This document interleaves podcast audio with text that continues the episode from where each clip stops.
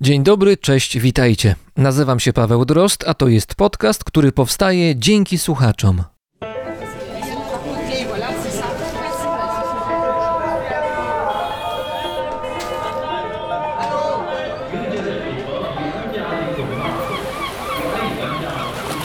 Brzmienie świata z lotu Drozda.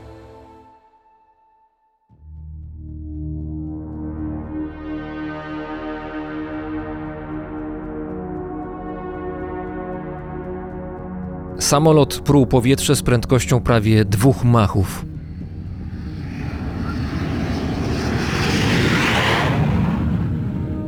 Dwa razy szybciej niż prędkość dźwięku, a więc niemal 2000 km na godzinę.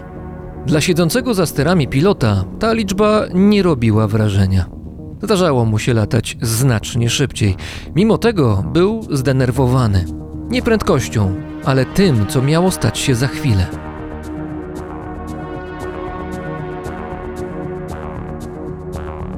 Był 6 września 1976 roku.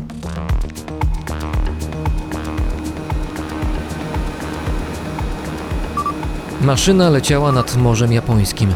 Nisko, znacznie niżej niż inne samoloty tego typu. Porucznik Wiktor Belenko, lat 29, wybrał wysokość nieprzypadkowo. Chciał uniknąć zbyt szybkiego wykrycia przez radary. Wszystko miał bowiem zaplanowane. Gdy wleci w przestrzeń powietrzną Japonii, w końcu go zauważą i Japończycy wyślą swoje myśliwce obrony powietrznej.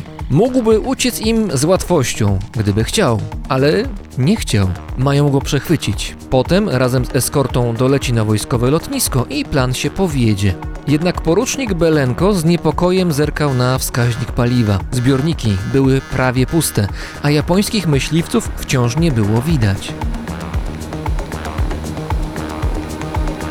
Rosjanin obliczył szybko, że musi natychmiast znaleźć miejsce do lądowania, jakiekolwiek.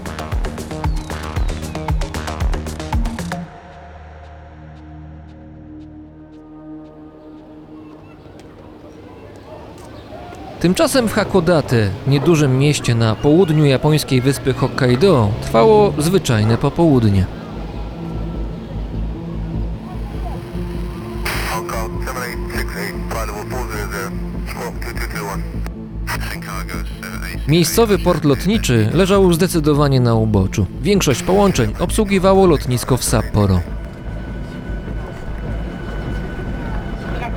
Boeing 727 rozpoczął właśnie kołowanie na pas startowy, mając na pokładzie ponad 100 pasażerów. Ten model znany był z bardzo głośnych silników.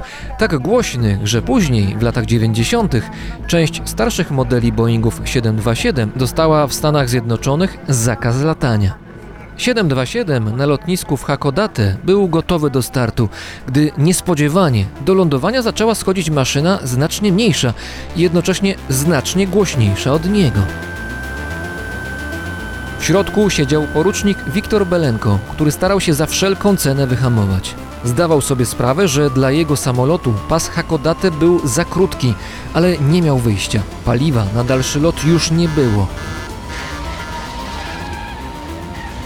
Rozpędzony MiG-25 z radziecką gwiazdą na ogonie i numerem 31 przy kabinie pilota minął zdziwioną załogę Boeinga 727, następnie dojechał do końca pasa i dopiero po kilkuset metrach dalszej jazdy po trawie zatrzymał się w miejscu.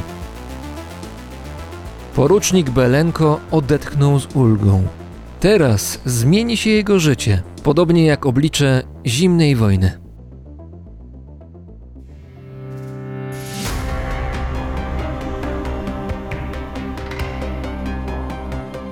Ucieczka porucznika Wiktora Belenki nie była ani pierwszym, ani ostatnim zdarzeniem tego rodzaju. W okresie zimnej wojny na ucieczkę w swoich samolotach decydowali się nie tylko piloci radzieccy, ale również północno-koreańscy, irańscy, polscy, kubańscy, a nawet amerykańscy na Kubę. Wiele ucieczek dotyczyło pilotów chińskich, którzy szukali lepszego życia na Tajwanie. Tam dezerterzy mogli oczekiwać pracy oraz nagrody w złocie. Od kilkudziesięciu do, w wyjątkowych przypadkach, nawet kilkuset kilogramów. W okresie zimnej wojny ucieczki na stronę przeciwnika miały znaczenie zarówno propagandowe, jak i wojskowe. Szczególnie wtedy, gdy piloci w formie posagu dostarczali nowe modele samolotów bojowych. W tym kontekście przypadek MiGa-25 jest wyjątkowy.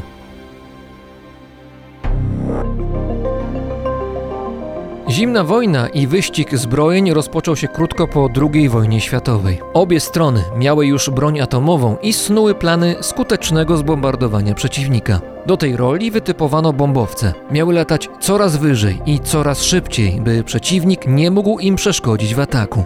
W tej branży Amerykanie zaczęli zdobywać sukcesy, co poważnie zaniepokoiło Moskwę. W latach 60. istniały bowiem amerykańskie bombowce, które były poza zasięgiem radzieckich myśliwców. Trzeba więc było szybko stworzyć odpowiedź, coś nowego. W ten sposób powstał myśliwiec przechwytujący MiG-25.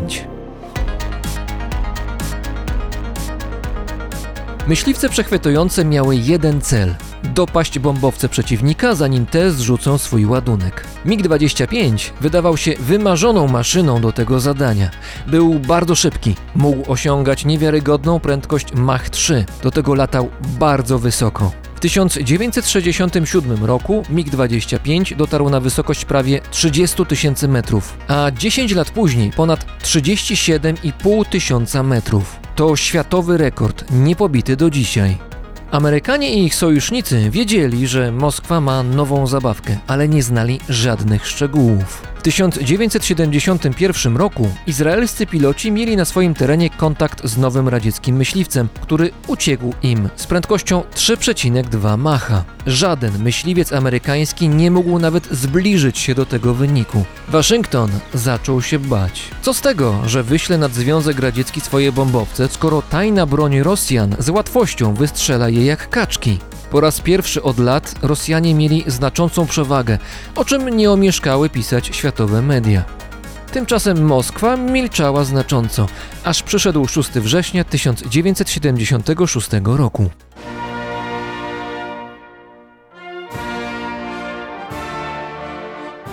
Porucznik Wiktor Belenko stacjonował w wojskowej bazie lotniczej 25 km od Władywostoku i latał na migach 25.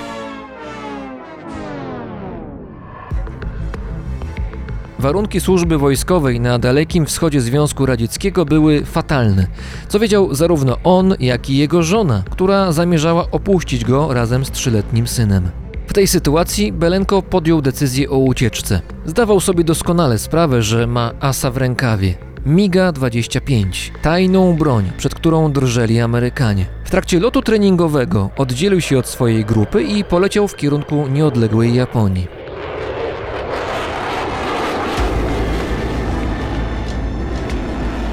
Japończycy, gdy na radarze zauważyli obcą maszynę, wysłali dwa myśliwce, które jednak nie zdołały namierzyć celu. Belenko musiał więc lądować awaryjnie na lotnisku cywilnym w Hakodate, budząc tam wielki popłoch. Został oczywiście zatrzymany, podobnie jak jego MiG. Moskwa, gdy tylko dowiedziała się o zdarzeniu, próbowała prośbami i groźbami odzyskać swój cenny samolot. Amerykanie oddali go, ale w częściach i po ponad dwóch miesiącach. Zbadali miga bardzo dokładnie. Okazało się wtedy, że król jest nagi. Tajna broń Związku Radzieckiego, która przyprawiła Amerykanów o gęsią skórkę i miała zmienić losy zimnej wojny, była o wiele mniej groźna niż się to wydawało. Owszem, maszyna mogła osiągnąć prędkość powyżej 3 machów, ale zaraz potem jej silniki były w zasadzie do wyrzucenia. Samolot był zbudowany ze słabych materiałów, miał też poważne ograniczenia w prowadzeniu i na niższych wysokościach był wyraźnie gorszy od amerykańskich odpowiedników. Krótko mówiąc, MiG-25 był kolosem na glinianych nogach i Amerykanie w końcu mogli odetchnąć z ulgą. Tymczasem 4 lata po ucieczce porucznik Belenko zyskał amerykańskie obywatelstwo i znalazł spokojną przystań w Stanach Zjednoczonych.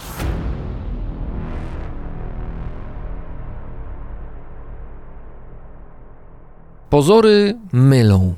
To mogli pomyśleć amerykańscy wojskowi, gdy dowiedzieli się prawdy o tajemniczym samolocie. Również my możemy ulec pozorom, jeśli nie będziemy szukać tego, co pod powierzchnią.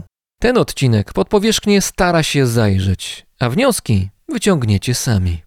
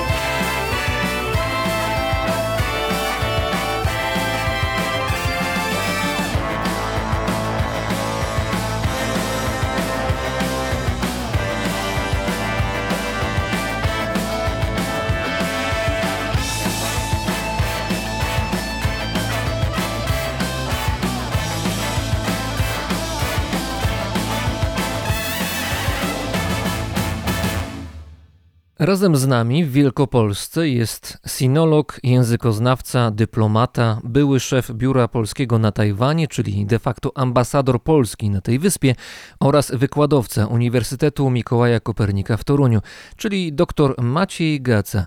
Dzień dobry, witaj. Dzień dobry, witam. Bardzo się cieszę, że jestem z Wami.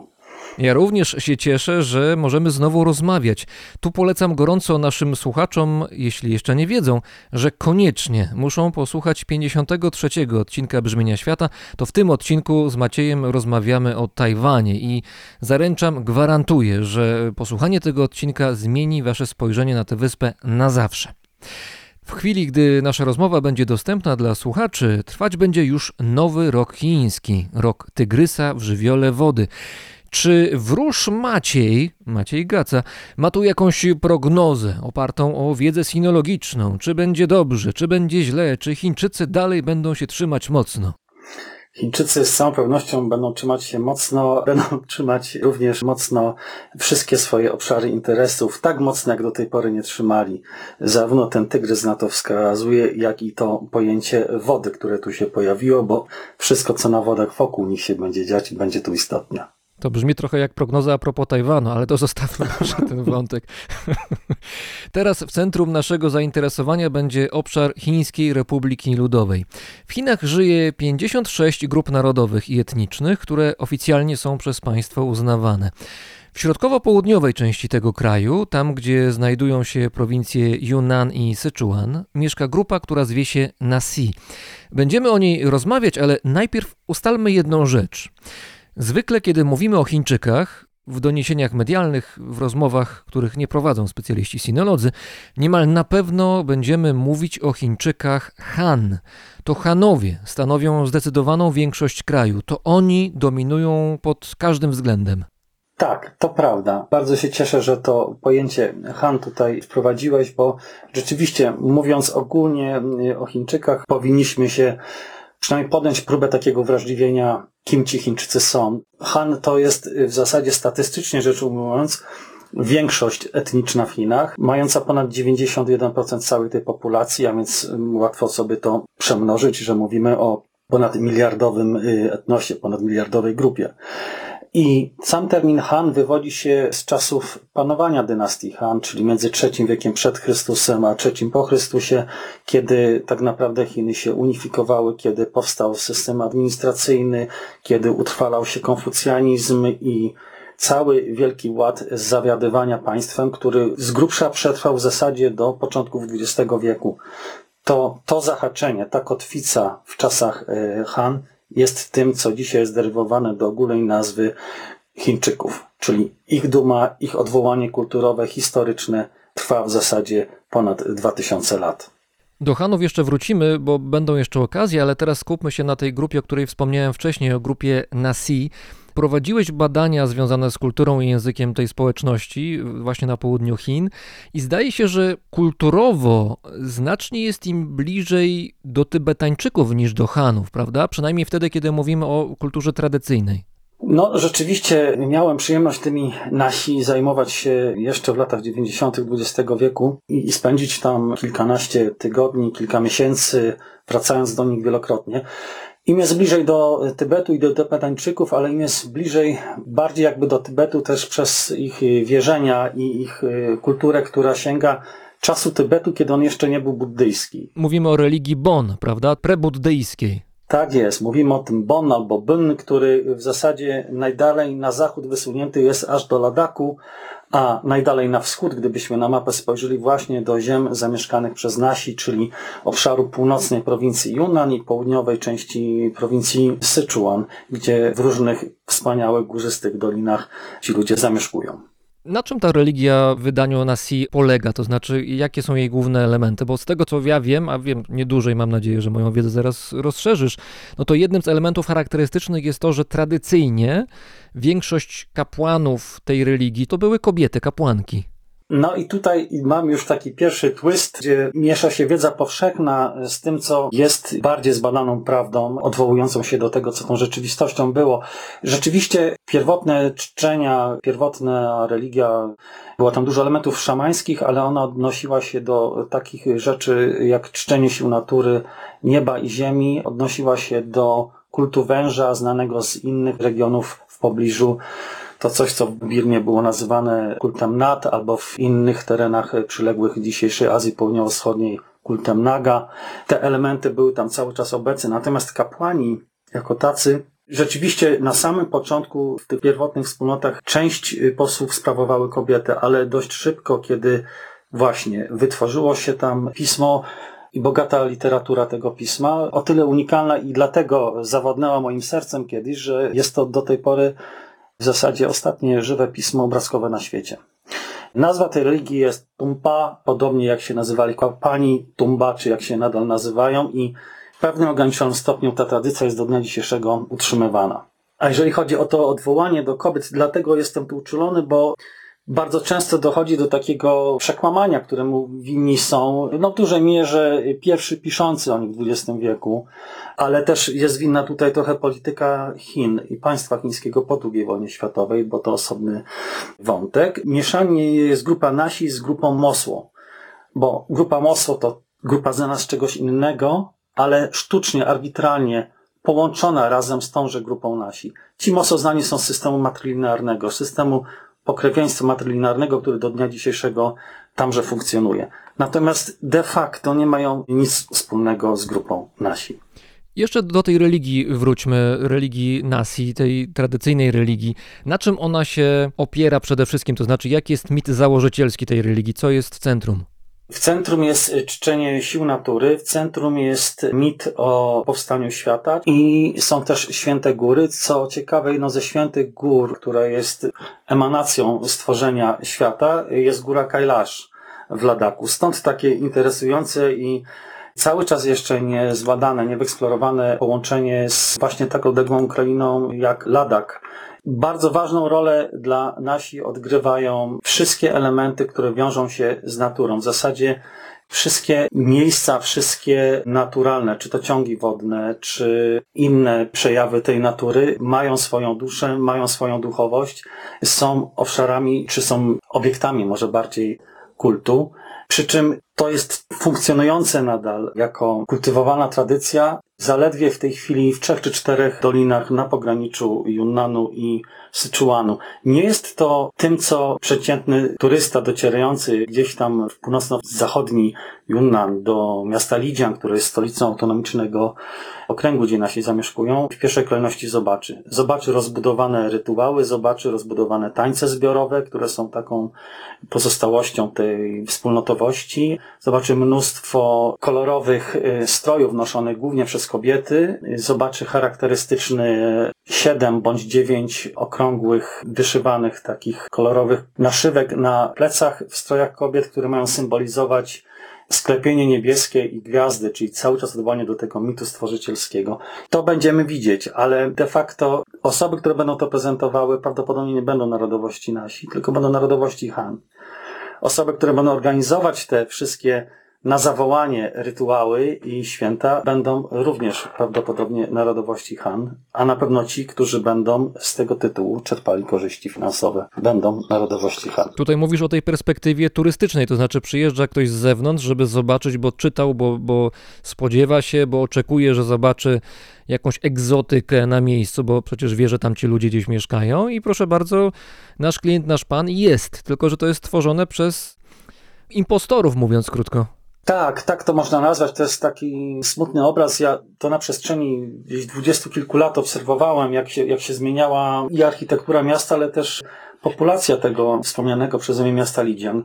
Nomen omen słynącego z tego, że tam jest stare miasto, stara zabudowa, zachowana jeszcze z XIX wieku w sposób nietknięty. To duża rzadkość, jeżeli chodzi o Chiny w kontekście tego, co przyniosła nam rewolucja kulturalna i wcześniej oczywiście 12 lat wojny, czy to II światowej, a potem wojny domowej w Chinach. Ale to się zachowało. Natomiast jeszcze w latach 90. znakomitą większość ludzi, którzy tam zamieszkiwali, stanowili właśnie nasi. A jak tylko pojawiło się zainteresowanie, boom turystyczny, rozbudowa Chin, no to fala turystów zaczęła narastać, jednocześnie duża fala migracji z bogatych regionów chińskich i rugowanie tejże ludności z miejsc, które zamieszkiwali. Czy słowo kolonizacja Hanów w tym kontekście to jest dobre określenie? Um, ono jest ostre i wyraziste. Ja mam je zawsze na końcu języka. To jest kolonizacja. To jest też jednocześnie ekonomiczna saturacja ludzi tam obecnych. Bo o nasi trzeba jeszcze jedną rzecz powiedzieć. Oni mają bardzo dumną historię. Oni mieli własne królestwo w czasach naszego średniowiecza. Nazywało się Nanzhao. Bardzo długo trwało i stanowiło pewnego rodzaju rywala, który nie chciał trybutów szczególnie płacić dla wspaniałego cesarstwa dynastii Tang. Później ci nasi byli znani z tego, że byli ludźmi wysoce wykształconymi. Do tego stopnia, że kiedy nastała z kolei dynastia Ming, a więc taka ostatnia, czysto hanowska dynastia, która panowała między XIV a połową XVII wieku, to wtedy ta dynastia Ming po raz pierwszy wprowadziła taki system dopuszczający przedstawicieli innych ludów niż Hanowie do zajmowania jakichkolwiek stanowisk. Stworzyli system, który nazywał się Tchusy czyli że do poziomu poniżej prefektury wykształceni konfucjańsko, przyjmujący konfucjańską tradycję, przedstawiciele innych grup etnicznych, których nazywali generalnie barbarzyńcami, mogli sprawować na tych drobnych obszarach zarządzanie daną wspólnotą. Ale już ich przełożonymi na poziomie prefektury mogli być tylko i wyłącznie Chińczycy Han, a kiedy rozmawiali z nimi przedstawiciele tych grup etnicznych, w tym nasi, to oczywiście tylko i wyłącznie w języku chińskim.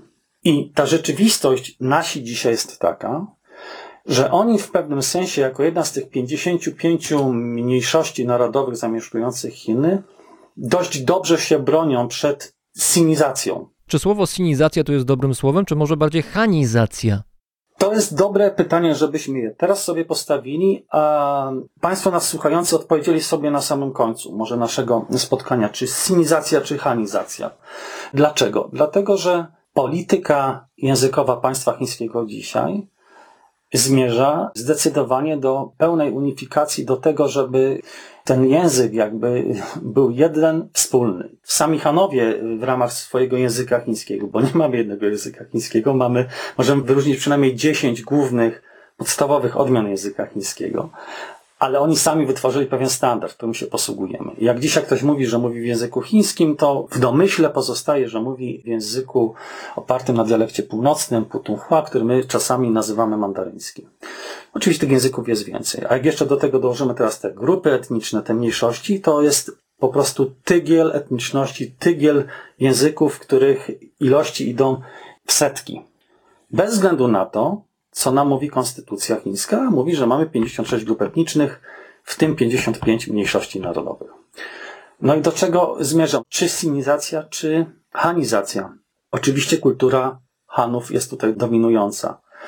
Natomiast gdybyśmy spojrzeli z punktu widzenia takich procesów świadomych, które się w Chinach działy, to kluczowym momentem jest początek wieku XX, kiedy upadało cesarstwo chińskie, pojawiła się taka światła postać, niejaki Sun Yat-sen. I on już wtedy, w zasadzie cesarstwo padło w 1911 roku, już wtedy w swoich pismach, znaczy wtedy, nawet jeszcze przed tym, czyli w 1905 roku, ale to może nie wchodząc już w szczegóły, mówił, że mieszkańcy Chin stanowią narodową jedność. I on już wtedy zgłaszał coś takiego, że Chiny powinny rozwinąć chiński nacjonalizm, ale w przeciwieństwie do nacjonalizmu etnicznego, tak aby zjednoczyć wszystkie chińskie grupy etniczne. Czyli Sun Yat-sen zakładał, że Chiny muszą rozwinąć jakąś taką świadomość narodową, aby zjednoczyć Hanów i nie Hanów, których nie poważał i nie zauważał, w obliczu jakiejś imperialistycznej agresji, której się spodziewał ze strony Zachodu. Po raz pierwszy wtedy na początku XX wieku w Chinach zostało zapożyczone pojęcie narodowość, ale co ciekawe, ono wyszło z obserwacji sąsiada jeszcze bardziej na wschód, czyli z Japonii. I kiedy w 1912 roku mianowany został prezydent Yuan Shikai, to ogłosił republikę chińską republiką pięciu grup etnicznych. I te pięć grup to byli Hanowie, Mandżurowie, Mongołowie, Tybetańczycy i ogólnie chińscy muzułmanie. Oczywiście to jest i wadliwe historycznie, i wadliwe etnicznie, no ale nie politycznie. Czyli koncepcja, która powstała na początku XX wieku, dała możliwość reinterpretacji historii Chin. Bo zobaczmy, co się dzieje. W historii Chin Chińczycy w swojej dumie, czyli ci Chińczycy, mamy na myśli teraz Hanów, zawsze odwołują się do jednej rzeczy, do ciągłości państwa chińskiego. Ciągłości tradycji, ciągłości władzy. Oczywiście to już nie jest cesarstwo, mamy Republikę Chińską, teraz Chińską Republikę Ludową, przynajmniej na części kontynentalnej. Ale jeżeli wszyscy jesteśmy jedno, to już nie musimy mówić, że dynastia Yuan która była dynastią mongolską, już nie jest czymś wspólnym. Nagle się okazuje, że ten Dżingis Khan może być bohaterem narodowym w rozumieniu ciągłości historycznej Chińczyków. Więc regulujemy sobie, według naszego politycznego zapotrzebowania, te wszystkie deficyty albo znaki zapytania, które nie daj Boże ktoś krytyczny mógłby wznieść. Jeżeli pozwolisz, ja tutaj chciałbym przywołać małe moje własne doświadczenie, które miałem trochę a propos tego tematu, o którym rozmawiamy. Mianowicie nie tak dawno obejrzałem po raz kolejny film Przyczajony tygrys, ukryty smok. Nie jest to film jakoś synologiczny może szczególnie. Jest to dobry film akcji z fajnymi scenami, jak biegają, latają i robią dziwne rzeczy w scenach walki. Natomiast zauważyłem jedną rzecz, wcześniej tego nie zauważyłem, jak pierwszy raz oglądałem. Tam jest taki moment, kiedy pewien taki rozbójnik chiński z jakichś pustyń y, porywa właściwie jedną z głównych bohaterek, młodą dziewczynę i oni rozmawiają między sobą i on mówi do niej, myślałem, że jesteś z Han, a ona mówi, nie, ja jestem Mandżurką. Widać, że są te różnice, że oni je czują, ale z drugiej strony cały czas oboje istnieją w systemie chińskim, czyli powiedzmy no, systemie państwowym, czyli razem, ale osobno. Dopiero teraz to zauważyłem, że to ma znaczenie, czy miało w przeszłości oraz też miało dla tych, którzy ten film tworzyli przecież.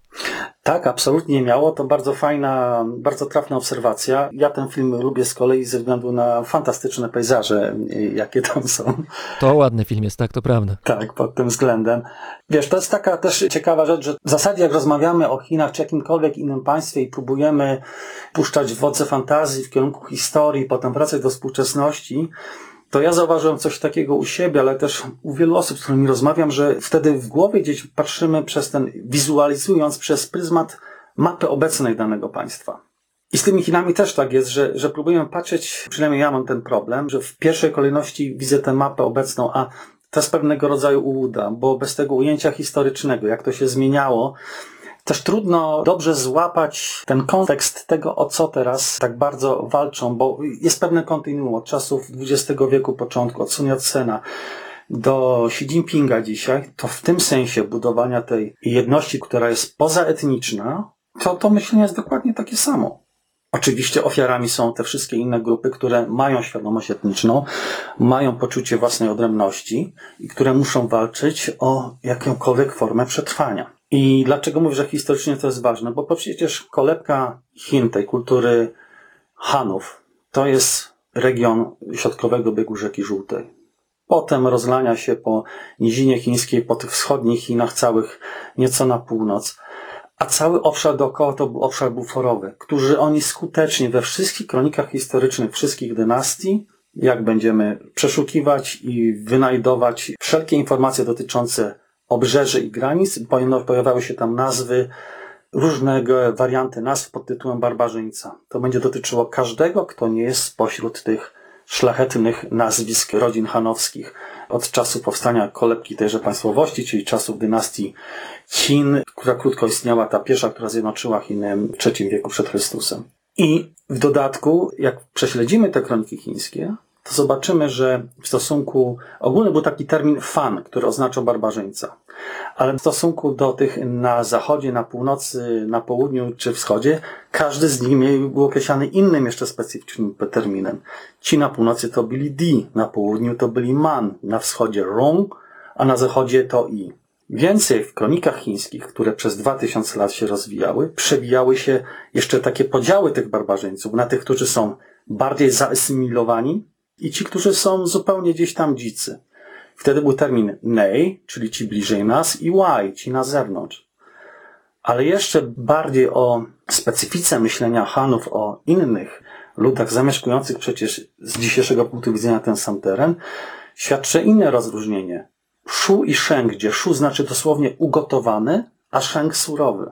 Łatwo się domyśleć, że Shu to byli ci, którzy byli bardziej zasymilowani.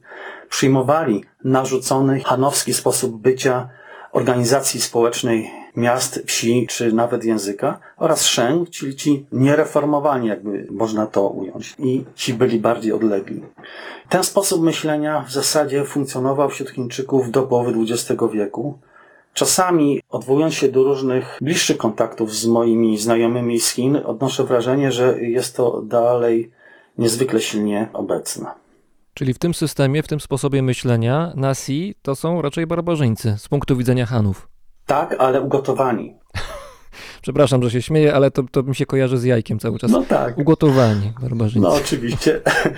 Szu ugotowani z tego prostego względu, że byli jedną z tych grup etnicznych, które bardzo szybko zrozumiały, że strategia przetrwania jeszcze w czasach e, przed Chinami komunistycznymi polega na umiejętności adaptacji, czyli aby zachować własną odrębność i samostanowienie, to trzeba jednocześnie zdobyć wiedzę o tej dominującej grupie i zobaczyć, na ile tutaj jest możliwy dialog. I to był model nasi i do dnia dzisiejszego jest. Gdyby spojrzeć teraz z punktu widzenia spisu powszechnego pod względem wykształcenia poszczególnych grup tych mniejszości etnicznych w Chinach, to się okaże, że nasi są w absolutnie awangardzie ludzi z najwyższym procentem ludzi o najwyższym wykształceniu. Bo to był ich sposób na przetrwanie. Okazuje się, że jak znowu spojrzymy przez pryzmat, jak ich edukacja przekłada się na uczestnictwo w szczeblach, poszczególnych szczeblach administracji, to okazuje się, że mają najsilniejszą reprezentację. Mimo to, że są drugiej czy trzeciej, nawet dziesiątce pod względem liczebności wśród mniejszości etnicznych zamieszkujących Chiny. Tych oczywiście oficjalnych. Na ile udała im się konserwacja własnej kultury, na przykład jeżeli weźmiemy pod uwagę kwestie językowe konkretnie, a w drugiej mierze kwestie pisma, bo wspominałeś, że oni wypracowali własne pismo obrazkowe. No to teraz pytanie, czego się uczą dzieci na Si u siebie, czyli tam na pograniczu Syczuanu i Yunanu w szkołach podstawowych? Czy uczą się w systemie pisma własnego, tradycyjnego, obrazkowego, czy jednak używają znaków chińskich? To jest kolejne dobre pytanie, bo e, ono da nam odpowiedź, czy jakby będzie nam układało dać odpowiedź, czy to jest, jesteśmy w czasie sinizacji czy hanizacji. Odpowiem tak. Konstytucja chińska z 1954 roku, wzmocniona zapisami nowej edycji konstytucji z 1982 roku, dawała podobne gwarancje jak konstytucja radziecka różnym grupom etnicznym. Czyli gwarancję autonomii, w tym gwarancję edukacji, i oczywiście, podobnie jak w przypadku radzieckim, sposób realizacji jest odległy dość mocno od tego, co wynika z zapisu prawa.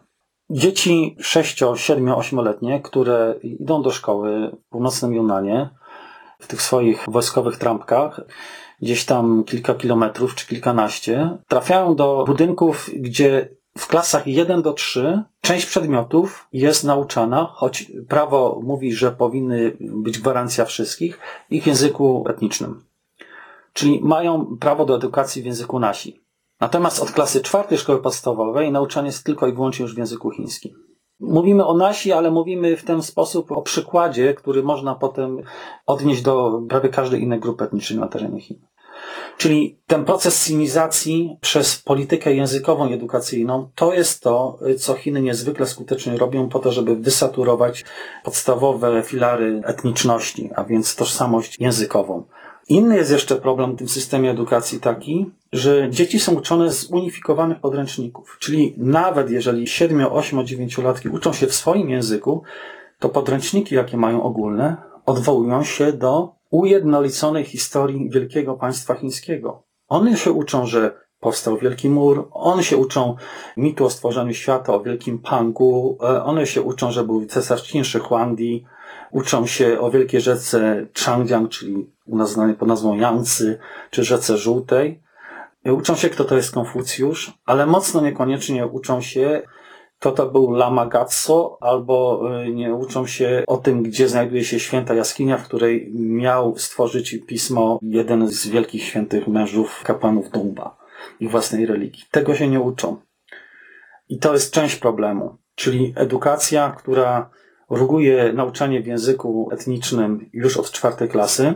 Treść podręczników to jest drugi problem. Więcej w tej treści podręczników, poza tym, że jest zunifikowane nauczanie historii, to jeżeli pojawiają się odwołania, również w samej narracji, którą prowadzą nauczyciele, ponieważ takie mają zalecenia, pojawia się narracja taka, że Hanowie, kultura chińska przedstawiana jest jako ta zawsze nowoczesna, ta, która jest zaawansowana, jest takie określenie w języku chińskim xianjin, i to jest stawiane w opozycji do luohou, czyli zacofany, nierozwinięty. I to luohou w sposób dopowiedziany albo niedopowiedziany, zawsze skojarzone z danym etnosem, danym region zamieszkujący, z którego te dzieci się wywodzą. To ja tutaj widzę kontynuację tego, co wcześniej mówiłeś, to znaczy jesteśmy my oraz barbarzyńcy. Tak. My, ci właśnie rozwinięci i tamci, ci zacofani. Tak, to jest dokładnie to. W dodatku na poziomie tych małych dzieci utrwalamy poczucie wstydu. Chcesz być łochą? No nie chcesz być łochą, nie chcesz być zacofany, chcesz być w tej awangardzie, chcesz być Mhm. Tym bardziej, że znowu nowoczesne technologie, rozwój dróg, infrastruktury ekonomicznej powoduje dostęp do mediów.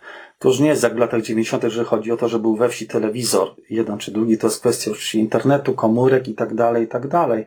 I porównania tego blichtru, tego świata zewnętrznego, tego tempa, tej energii bijącej z tego nie do nadążenia nawet dla obserwatora, co powiedzieć o uczestniku rozwoju świata współczesnego.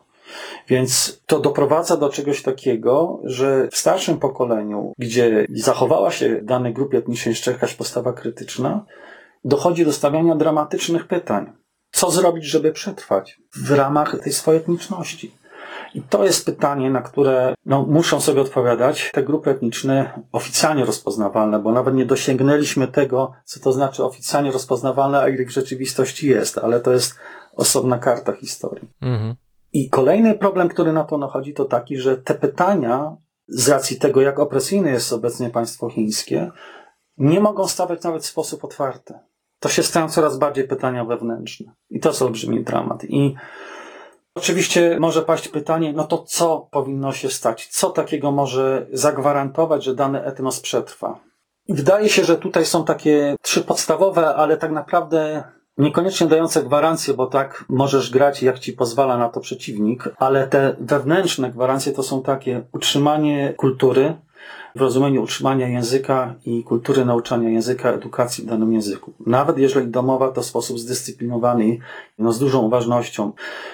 Nauczanie w języku musi się opierać o nauczanie kilkuelementowe, czyli z jednej strony pragmatyka języka codziennego, że on musi zacząć nadążać za cywilizacją, ale w ramach własnego języka, a nie ciągłych zapożyczeń coraz większych z języka chińskiego. Z drugiej strony trzeba za pomocą rodzimego języka przekazywać spuściznę niepisaną danej kultury, czyli to, co jest doświadczeniem religijnym, to, co jest mitem, to, co jest kosmologią, to, co jest legendą, to, co jest przysłowiem, te wszystkie elementy powinny być zachowane. Dbałość o ciągłość świąt właściwych dla danego miejsca. To jest dopiero jeden element. Ten drugi, który jest szczególnie istotny w kontekście nauczania przez Chińczyków Han. Chińczycy Han uważają siebie za centrum, stąd nazwa samego państwa, państwo środka, centrum środek i ten termin Zhong po chińsku. Zhongguo to Chiny, tak. Ale drugi dla nich wiążący znak to jest pojęcie Wen, które oznacza zarówno kulturę, jak i literaturę, jak i cywilizację najogólniej. I w tej opozycji, o której wcześniej mówiłem, między tymi zacofanymi Łochą a Siędzin rozwiniętymi, jednym z podstawowych elementów, w którym rozgrywa się poczucie wstydu u młodych ludzi y, w tych grupach etnicznych, jest odwoływanie, że oto my mamy stare pismo, język pisany, kroniki sięgające VII-VIII wieku przed Chrystusem, a jeszcze starsze zabytki pisma sięgające ponad 2000 lat przed Chrystusem, zapisy na skorupach żółwi czy y, naczyniach z brązu rytualnych. A wy nie macie nic. W związku z tym te grupy etniczne, które posiadają pismo, czy język pisany, to jest ten element kultury, który jest niezwykle scalający i pozwalający tą etniczność utrzymać. To jest trochę kazus y, Tybetańczyków, prawda? Którym nie można tak po prostu wmówić, że wasza kultura jest młodsza, mniej doświadczona, mniej rozwinięta, bo przecież Tybetańczycy momentalnie wyciągną ileś tam tysięcy zwojów, z których wynika dokładnie odwrotnie. Wiesz co, jak mówimy o Tybetańczykach, to mnie najbardziej zdumiewa taki fakt, że w tej narracji, którą Chińczycy czy Chiny współcześnie narzucają światu, pojawił się taki element w ramach ich tak zwanej szeroko pojętej dyplomacji miękkiej. Elementem dyplomacji stało się pewne zwierzę. Hmm, Jest to panda. to prawda.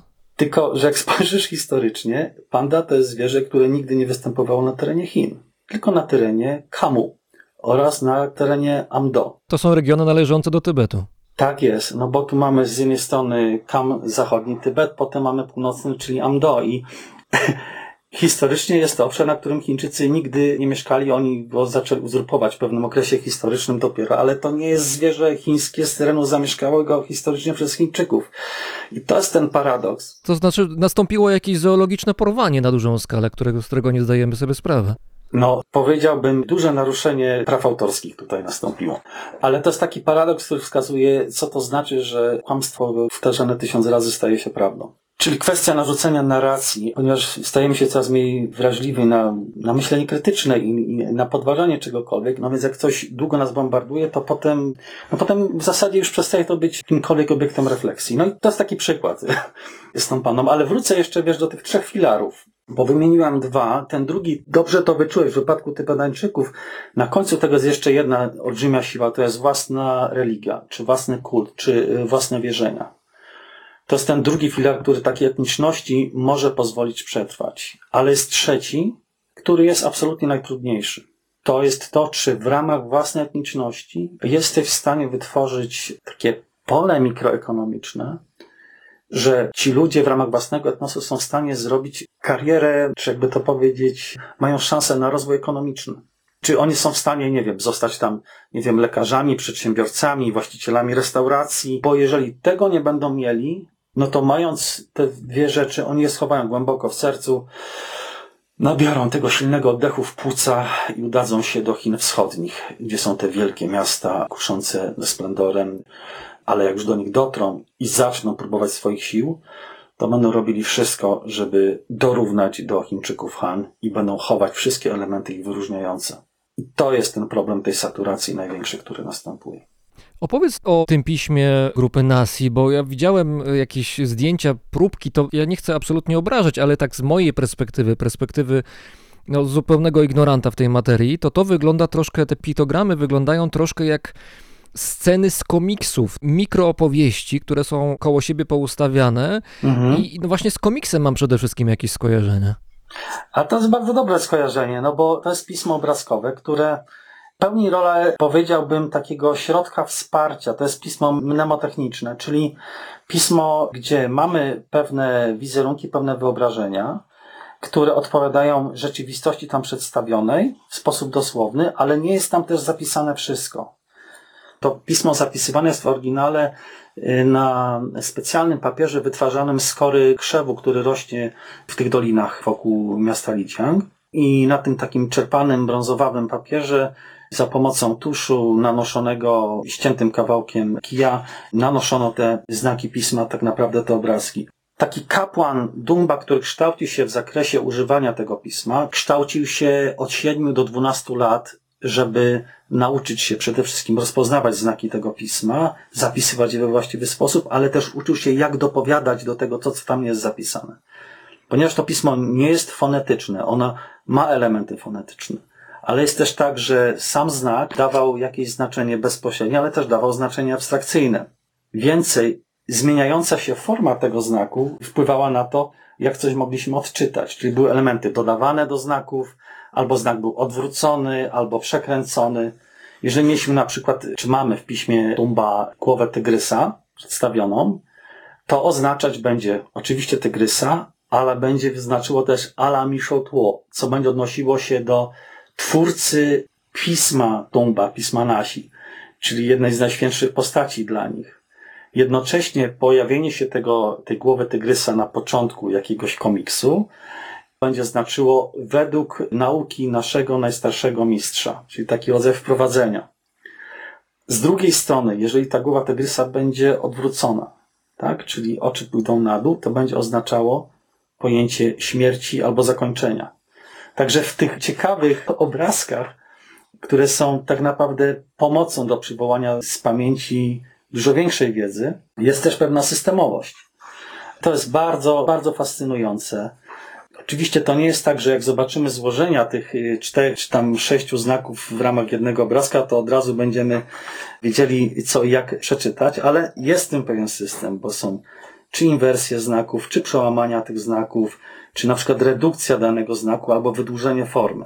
A czy ja dobrze rozumiem, że trochę to pismo jest ym, czymś w rodzaju pewnego skrótu, pewnej syntezy wypowiedzi słownej? Tego się nie czyta w formie jeden do jednego, tylko patrzę sobie na ten tekst, czyli na te piktogramy i na podstawie krótkich, powiedzmy, zdań w tym systemie pisma zapisanych, ja tworzę pełną wypowiedź, bo to, co widzę na piśmie, to jest tylko jakiś skrót, jakieś takie resume. Tak, to jest skrót. To jest coś, gdzie y, moja pamięć musi mi pomóc, moja wiedza na temat kultury, na temat y, mitologii ma mi pomóc, jak to we właściwy sposób y, odczytać. Takie notatki, można powiedzieć. Tak jest, tak jest, ale oczywiście w zamkniętym korpusie tych znaków, no stąd możemy mówić tutaj o systemie.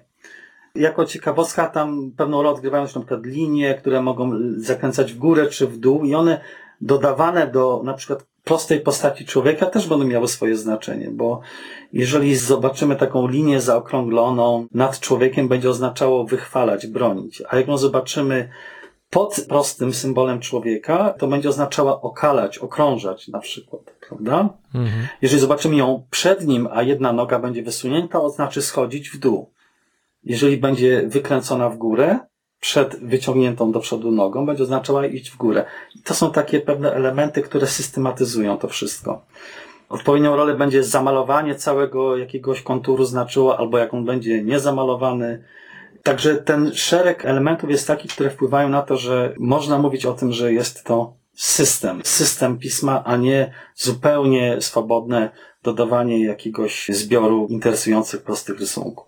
Tylko teraz finezja i piękno tego języka, tego systemu językowego, o którym teraz rozmawiamy, to jest też przeszkoda dla tych, którzy chcieliby się go, jak rozumiem, nauczyć. No bo wcześniej wspominałeś, że kilka lat potrzebowali kapłani wcześniej w przeszłości, żeby się tego nauczyć.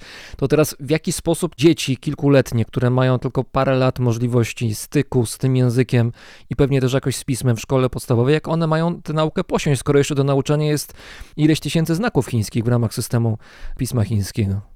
To są jakby dwie rzeczy, bo to, że to pismo jest obecne, to ono nie jest powszechnym użytku wśród nasi. To znaczy, ci, którzy używali pisma w sposób czynny, czyli potrafili zapisywać oraz odczytywać, czy potrafią zapisywać, odczytywać, to są kapłani. który jest ograniczona ilość tej społeczności nasi. I to jakby pozostawało zawsze ich domeną.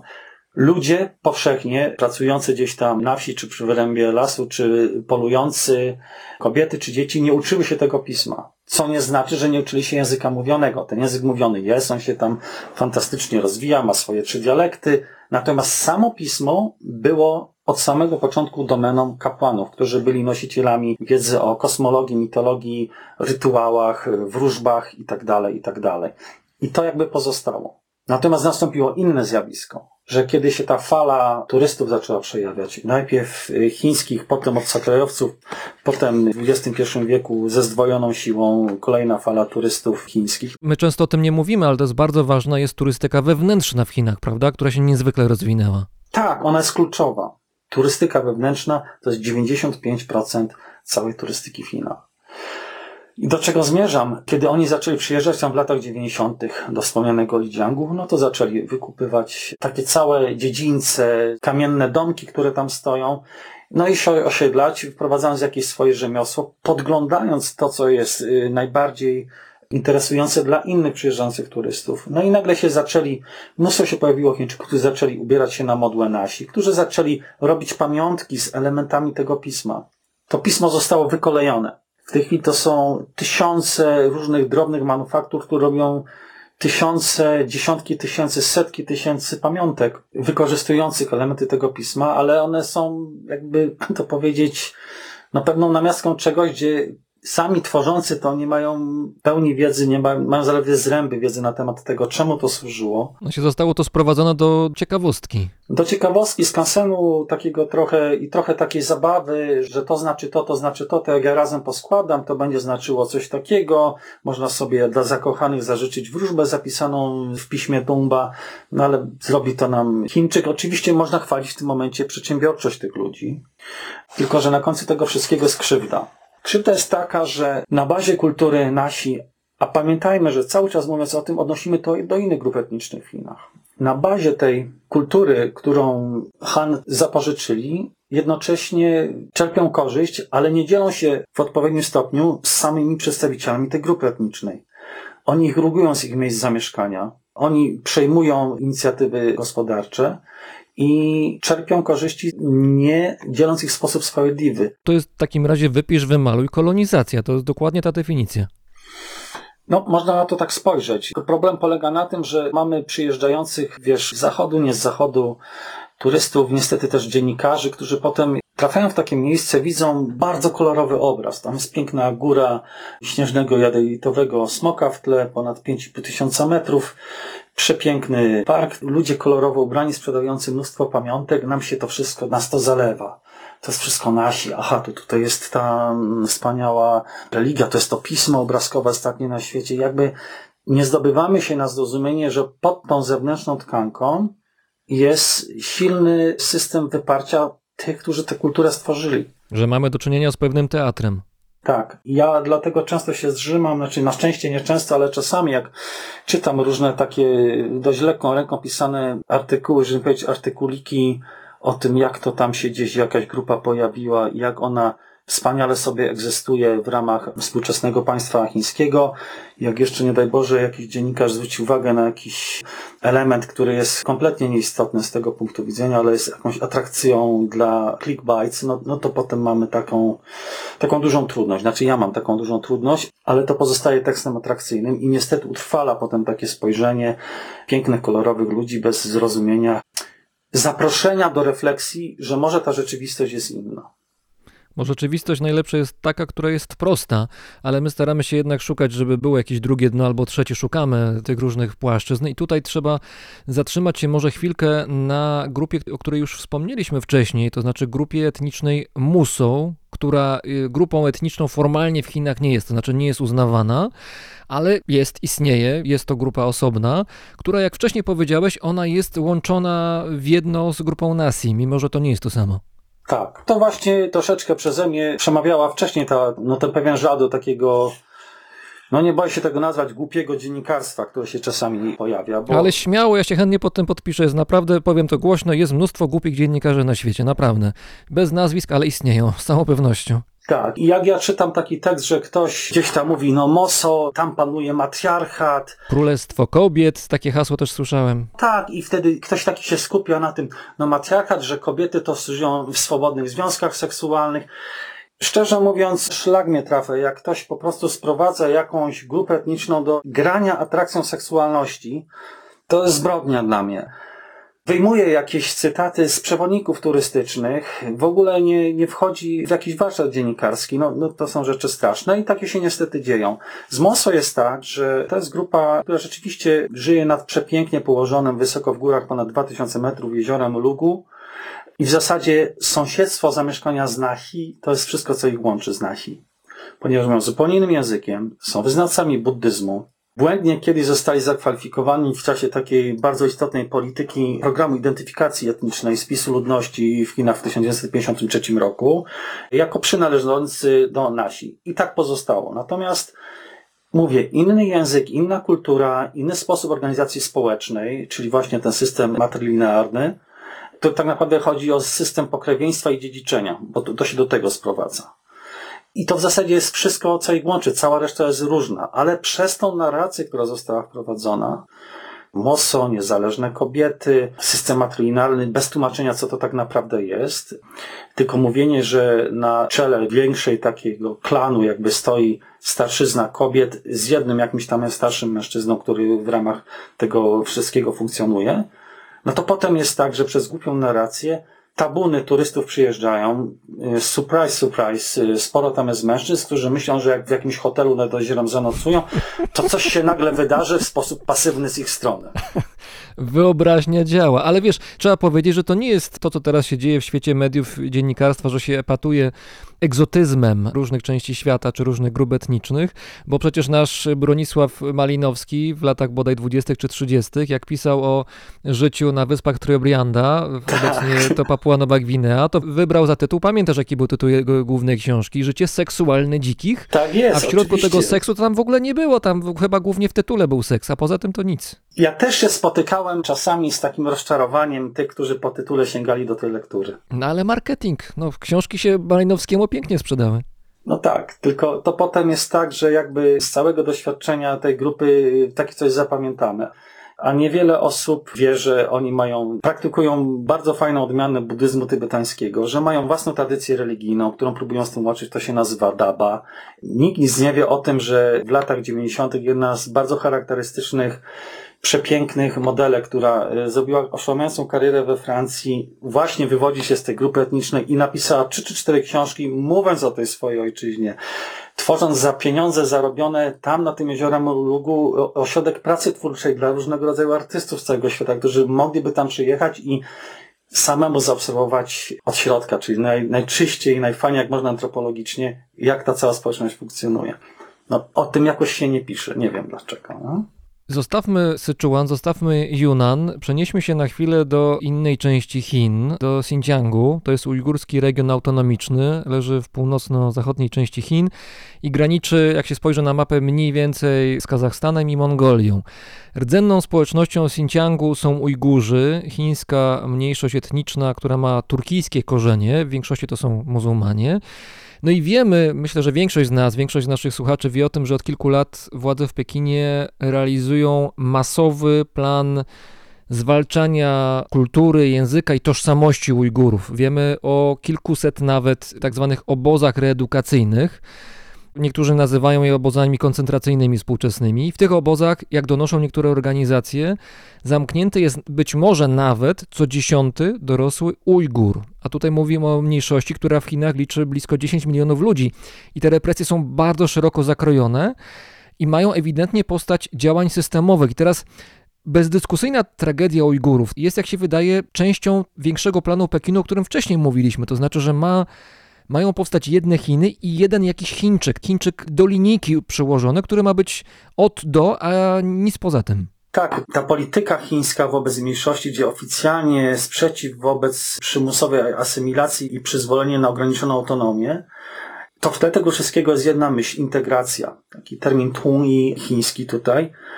I rzeczywiście ta integracja została w wypadku Xinjiangu w dość szczególny sposób i okrutnie rozciągnięta. No w tle jest jakby tutaj kilka rzeczy. Chińczycy zawsze oskarżali, znaczy zawsze, mówię o Chińskiej Republice Ludowej, od samego początku oskarżali Ujgurów o separatyzm. Oczywiście uwarunkowanie historyczne jest takie, że było przed II wojną światową, był to obszar, który o swoją tożsamość walczy i miał pełną tożsamość odrębności. Ale ten obszar w latach 60. powoli, ale w 80. z- ze zdwojoną stroną silną, podlegał procesowi sinizacji w takim sensie, że masowe przesiedlenia ludności chanowskiej z innych obszarów następowały na teren Turkestanu Wschodniego. To podobny system jak z Tybetem, prawda? Tam też Tak. masowe migracje były organizowane. Tak, masowe migracje i teraz w znakomitej większości ci Hanowie by bardzo szybko uciekli z powrotem. Ponieważ nie byliby się w stanie tam zadoptować do warunków, które dyktowały siły przyrody chociażby.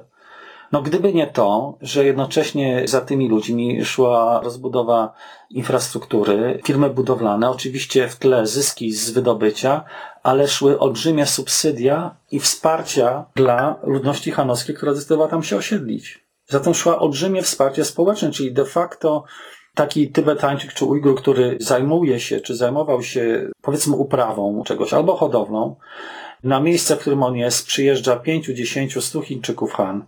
Otwiera się bank. Tych 5, 10 czy 100 Chińczyków ban dostaje preferencyjne kredyty na rozwój, dostaje za bezcen dzierżawę ziemię, ograniczając jego pole działania, on z tego banku nie dostanie nic. Albo dostanie w tej szóstej, jedenastej czy 101 kolejności. I, I trudno, żeby taki sposób funkcjonowania nie wytwarzał zrozumiałych napięć z punktu widzenia ludzi, dla których jest to ziemia z dziada pradziada ich. I tu mi się przypomina to, że chyba jednym z głównych haseł propagandowych właściwie współczesnych Chin, nie wiem czy się zgodzisz ze mną, ale jest takie słowo, które po polsku brzmi harmonia. To brzmi przedziwnie.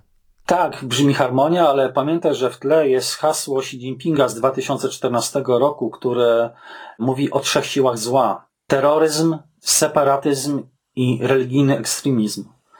I oczywiście on, on użył chyba właśnie w 2014 roku, ale to była odpowiedź opóźniona w czasie na olbrzymie starcia, do których doszło między Hanami a Ujgurami w 2009 roku. Mhm. I, I ten proces w sposób straszny został przeprowadzony. Też warto pamiętać, że hasło polityczne wprowadzone przez danego władcę czy przywódcę powoduje, że na szczeblach niższych, w scentralizowanym państwie, każdy lokalny przywódca bądź jego kolejny szczebel będzie robił wszystko, żeby jak najbardziej się wykazać, żeby jak najbardziej pokazać, że dobrze rozumie daną politykę. Jeżeli mówimy o trzech siłach zła, to ona polega tylko i wyłącznie na realizacji polityki silnie represyjnej. Czyli wszystko możemy podciągnąć wtedy pod albo terroryzm, albo separatyzm, albo religijny ekstremizm. Ofiarą na przykład w wypadku Ujgurów takiej polityki był y, bardzo znany, czy stał się bardzo znany ujgurski profesor Ilham Toti, który do czego nawoływał, do czego dążył w swoich wypowiedziach? Do osiągnięcia porozumienia między Hanami a Ujgurami. Tego już nawet było za dużo ta fala represji wzrosła dopiero, znaczy najbardziej po 2016 roku, kiedy szefem partii został bardzo zaufany człowiek Xi Jinpinga, Chen Quanguo, który zresztą wcześniej dokładnie to samo realizował w Tybecie. To miał doświadczenie.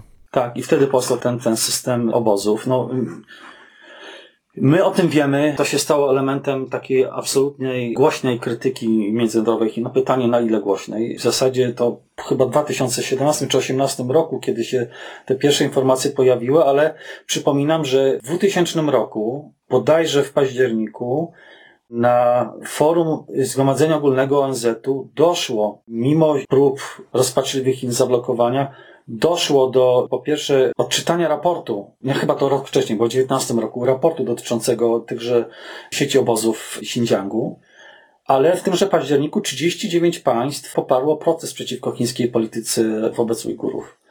Powiem tak, bardzo się cieszę, że jednym z tych państw była Polska. Ciekawe, czy tego typu rezolucja by teraz przeszła 20 lat później, kiedy możliwości presji dyplomatycznej, nie tylko dyplomatycznej, również ekonomicznej Chin, myślę, że wzrosły wyraźnie. No, teraz one wzrosły rzeczywiście bardzo silnie. To też widać, jak e, silne są te możliwości nacisku dyplomatycznego w dwóch innych obszarach. No, po pierwsze, inicjatywa amerykańska braku reprezentacji politycznej w zasadzie no, spotkała się z pozytywnym odzewem czy zaangażowaniem zaledwie kilku państw. Tutaj mówisz o igrzyskach w tej chwili? Teraz mówię o igrzyskach. W tle tychże igrzysk i zaangażowania jest właśnie kwestia bardzo ostro postawiona po raz pierwszy, czyli oskarżenia Chiny o systematyczne ludobójstwo właśnie w Turkestanie Wschodnim. Ja muszę powiedzieć, że jestem bardzo mile zaskoczony i podbudowany i gorąco kibicuję Litwinom, którzy się postawili Chińczykom. No to jest Dawid i Goliat właściwie. A Litwini twardo przyjęli politykę dokładnie pod prąd. To prawda, tylko tu trzeba też zrozumieć to, jaka jest siła Chin, bo to nie przebrzmiewa u nas chyba przez media mainstreamowe i teraz nie dzielę ich na te czy na te. Dla mnie jakby w pewnym sensie stanowią jedno. I to nie była pozytywna uwaga. To siła Chin polega na tym, że Chińczycy między innymi w sposób pośredni karzą teraz Litwę za jej decyzję o otwarciu biura przedstawicielskiego Tajwanu u siebie na przykład. No bo to o to chodziło mniej więcej, ale na pewno słyszałeś o tym, że Tajwan na początku tego roku, roku 2022, kupił ileś tam tysięcy butelek rumu litewskiego, żeby wesprzeć Litwę. To Tak. dla mnie ten ping-pong polityczno-ekonomiczny jest fascynujący do obserwowania. To jest niesamowite. Jakby to, co Litwa zrobiła, jest absolutnie wielkie. Ale to jest początek tego. To jeszcze powiedzmy, co Litwa zrobiła konkretnie.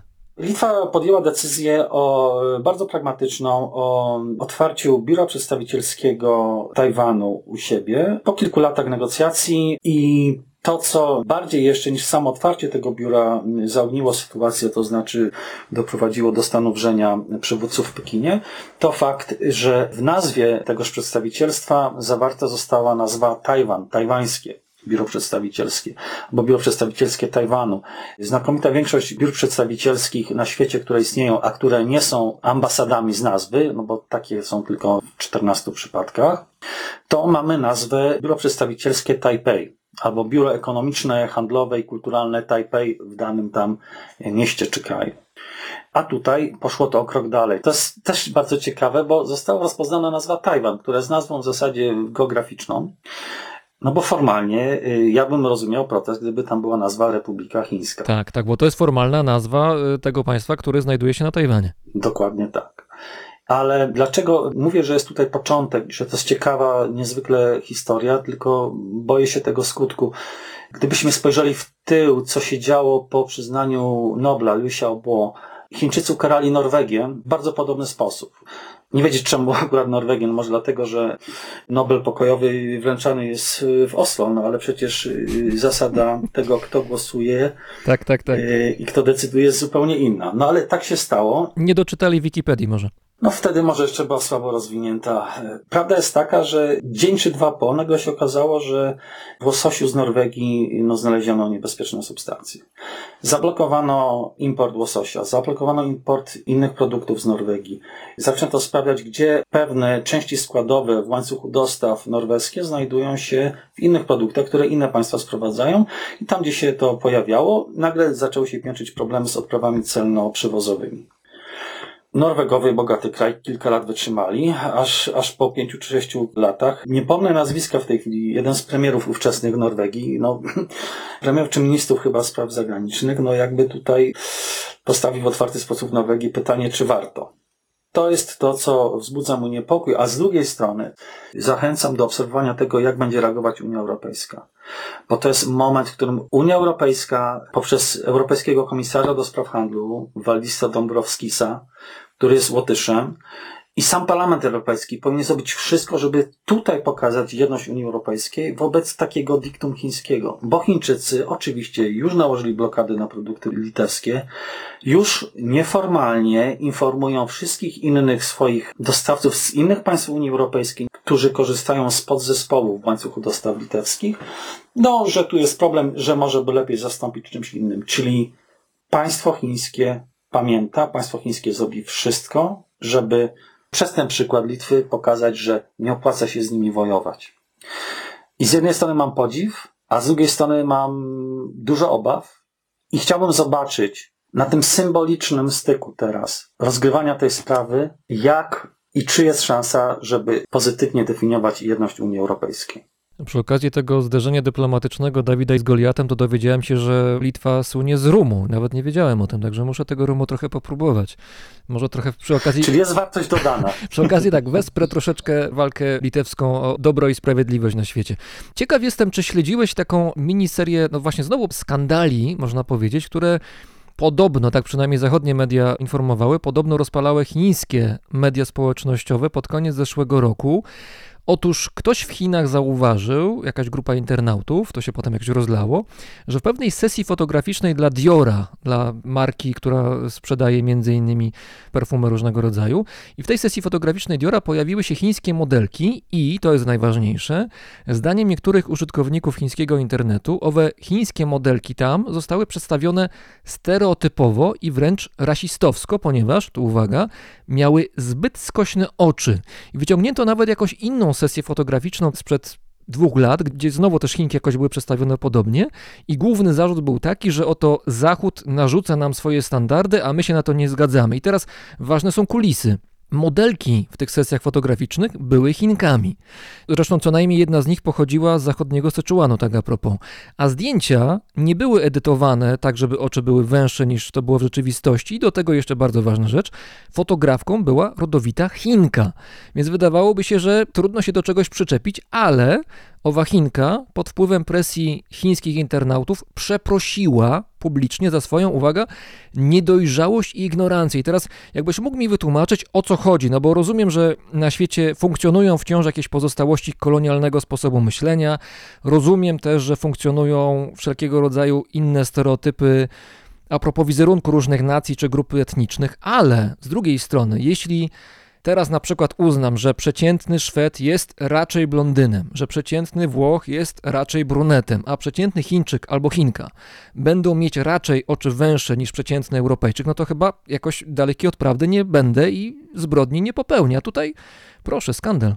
No, jest rzeczywiście skandal straszny się pojawił. Na to trzeba spojrzeć w ten sposób, że w Chinach mamy od 2016 roku zdecydowany zwrot w kierunku takiego konserwatyzmu partyjnego, kultu jednostki, a jednocześnie takiego skrętu na prawo w rozumieniu pełnej kontroli, co jest wyznacznikiem czego, w tym też kanonów urody. No dobrze, ale jak patrzę na Xi Jinpinga, na jego przepiękną twarz i on się zwykle mało uśmiecha, no się próbuje bardzo, ale nie zawsze mu to wychodzi, no tak te oczy ma raczej, bym powiedział, takie, no bliskie stereotypowi. Pewnie tak. No z drugiej strony ja zawsze powtarzałem swoim studentom, jak chcą zobaczyć, jaki jest realny stereotyp urody, to trzeba pójść do sklepu muzycznego w danym kraju i obejrzeć 30-50 okładek płyt, o ile jeszcze coś jest na płytach wydawane i wtedy można zobaczyć, co to jest w danym momencie dominujący kanon urody. Czy to mężczyzn, czy kobiet. Tak, jaki jest aktualny standard, bo ten standard się zmienia. Tak, że on się może zmieniać, tylko paradoks tego, co się stało, to jest taki, że oczywiście Chen Man jest Chinką. Ja miałem zresztą przyjemność ją podczas pracy swojej w Pekinie poznać osobiście. I... Mówisz o tej fotografce, która była autorką sesji. Tak, tak, tak. Ta fotografka, ona kilka razy gościła w ambasadzie u ambasadora, ale też na różnych imprezach, które organizowaliśmy tam. I to oczywiście światowa, otwarta osoba. Jej reakcja kompletnie nie dziwi, dlatego że no to jest reakcja, którą należy zrobić poprzez pokorę wobec społeczeństwa, która została wymuszona przez komunistyczną partię Chin, przez ich anglojęzyczną tubę propagandową, która dyktuje co wolno, a co nie wolno, czyli przez Global Times. I to się zadziało. Ona zareagowała zgodnie z kodeksem postępowania, czyli pełna pokora. No samą krytykę złożyła de facto. Samokrytykę złożyła, no oczywiście po to, żeby móc dalej działać jako artystka, po to, żeby nie zdarzyło się coś takiego, co spowoduje, że za chwilę już nie będzie miała paszportu, a potem będzie przez następne kilka lat nie pojawiała się publicznie, bo, bo tego rodzaju historia to jest coś, co w sposób, przepraszam, że tak ujmę, ale to jest w dużym cudzysłowie naturalny teraz mogłaby się wydarzyć. Paradoks polega na tym, że jakbyśmy zobaczyli te okładki tych płyt, to zobaczymy, że są to osoby, które mają cerę bardziej jasną niż ciemną, które mają te operacje zrobioną podwójne powieki, które mają twarze nieskazitelne, wysokie kości policzkowe i generalnie robią wszystko, żeby udowodnić do jakiegoś wizerunku, który niekoniecznie ja bym odbierał jako chiński. Więcej, to, że tak została określona ta modelka, to wskazuje na to, jak silny jest podział wewnątrz Chińczyków wobec tego, co jest kanonem piękna, co nie, czyli coś, co próbują na zewnątrz ukrywać, że według nich wysokie i o jaśniejszej karnacji twarze i osoby z północy Chin są w kanonie urody bardziej cenione niż z południa. Ale ja się boję, że w tle jest jeszcze coś dużo gorszego y, dla tej decyzji, że olbrzymi wpływ w ostatnich latach na kanony urody ma kultura koreańska, w tym również na Chiny. No jest takie zjawisko nazywające się koreańską falą, pierwszą, drugą, trzecią, nazywa się to Hallyu i tak dalej, i tak dalej. I to z olbrzymim impetem w przeciągu ostatnich dwóch dekad kilkukrotnie w Chiny uderzyło. To znaczy, co mam na myśli, mówiąc, że uderzyło? No uderzyło bo stał się niezwykle popularny i to bardziej sitcomy niż te zespoły z odpowiednią choreografią i muzyką fantastycznie przygotowanych młodych ludzi. Do tego stopnia, że doszło nawet do reperkusji też z tego samego łona komunistycznej partii Chin, że jak to jest, że seriale koreańskie zdobywają dużo większą popularność niż seriale chińskie. Czyli to jest uderzenie w budowanie nowego modelu tożsamości tego nowego obywatela chińskiego. A jednocześnie ten nowy obywatel chiński jest w kryzysie, jak widać. Bo skoro przełamał kręgosłup ciągłości historycznej w czasach rewolucji kulturalnej, a teraz jest powrót do retorsji takich bardzo silnie prawicowego skrzydła komunistycznej partii Chin, to nagle okazuje się, że na czymś, co jest nasze własne, nie za bardzo wiemy na czym budować. Dlatego jest z jednej strony społecznie próba przywołania i adaptacji ponownej haseł pewnych konfucjanizmu, ale z drugiej strony gubią się sami Chińczycy, jak chodzi o takie elementy, jak właśnie ta farsa skądinąd świetnym zdjęciem Chen Man dla Diora.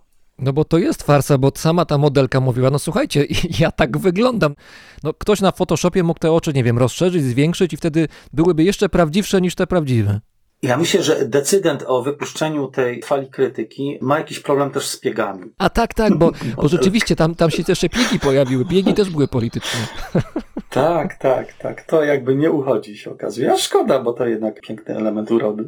Na koniec jeszcze, jakbyś mógł nas przeprowadzić po tych miejscach w Syczuanie i w Junanie, gdzie byłeś, krajobrazowo, bo widziałem trochę zdjęć i to bardzo ładnie wygląda. Zresztą nieprzypadkowo tam turyści chińscy nie tylko walą drzwiami i oknami, bo to są ładne miejsca. Jakbyś przywołał jakieś ulubione swoje lokalizacje w tam właśnie. Jeżeli zdarzy się naszym słuchaczom być w Chinach, to bardzo będę zachęcał do tego, żeby w ogóle do Yunanu i do Syczuanu się udać, bo to jest tygiel etniczności chińskiej znaczy nie chińskiej, na terenie dzisiejszych Chin, o, należy tak to ująć, bo tam jest ponad 30, no blisko 40 spośród tych 55 oficjalnie rozpoznawanych grup mniejszości etnicznych. Te regiony zamieszkuje. Dla mnie też jednym z takich miejsc unikalnych i ulubionych jest taka dolina na pograniczu z Mianmą, zamieszkała przez jeszcze inną grupę etniczną, nazywają się Dulung albo Trung w ich języku. Głęboko osadzona rzeka, na którą wyrastają po dwóch stronach doliny porośnięte dzikim lasem czy dżunglą wzgórza sięgające ponad 1000-1500 metrów, gdzie w zasadzie co kilkanaście kilometrów mamy małe wioski, gdzie nadal używa się wydłubywany z pnia drzewa czuen, gdzie ta prostota życia jest niezwykła. Oczywiście ta prostota życia jest taka, że tam jeszcze w latach, połowy lat 80. XX wieku, no, rzadkością była jakakolwiek elektryczność, już nie mówiąc o tym, że stroje to były takie proste sarągi, którymi byli oni przepasani i jeszcze w połowie lat 80. XX wieku zajmowali się głównie myślistwem, zbieractwem i łowiectwem absolutna natura, przepiękne miejsce, a z drugiej strony, jak już mamy być przy nasi i spojrzymy sobie z miasta Lidziang na cudownie rozprzestrzeniającą się równinę śródgórską, którą zwieńcza widok na ośnieżoną zawsze górę śnieżnego jadeitowego smoka, to jadąc 30 kilometrów w kierunku wzgórza dojdziemy do przepięknego miejsca, które nazywa się kanonem uskoku Tygrysa, gdzie jest górny bieg rzeki Jancy, nazywany na tym odcinku rzeką Złotego Piasku. I jest to chyba drugi albo trzeci najwyższy kanon na świecie, gdzie takim trawersem w połowie wzgórza można odbyć całodniową wycieczkę gdzieś po drodze, zatrzymując się w jakiejś chacie prowadzonej prawdopodobnie przez Tybetańczyka i rzeczywiście wtedy oddać się ewentualnie jakiejś krótkiej lekturze dotyczącej kosmologii nasi i po prostu przymknąć wieczorem oczy, będąc w takiej rzeczywistości. To tego Wam wszystkim życzę. A lekturę oczywiście przy użyciu pisma obrazkowego i piktogramów, tak żeby można było puścić wodze fantazję, jeżeli chodzi o interpretację. Oczywiście. Razem z nami był sinolog, językoznawca, dyplomata, były szef biura polskiego na Tajwanie oraz wykładowca Uniwersytetu Mikołaja Kopernika w Toruniu, dr Maciej Gaca. Bardzo dziękuję. Ja także bardzo dziękuję za możliwość porozmawiania. Thank you.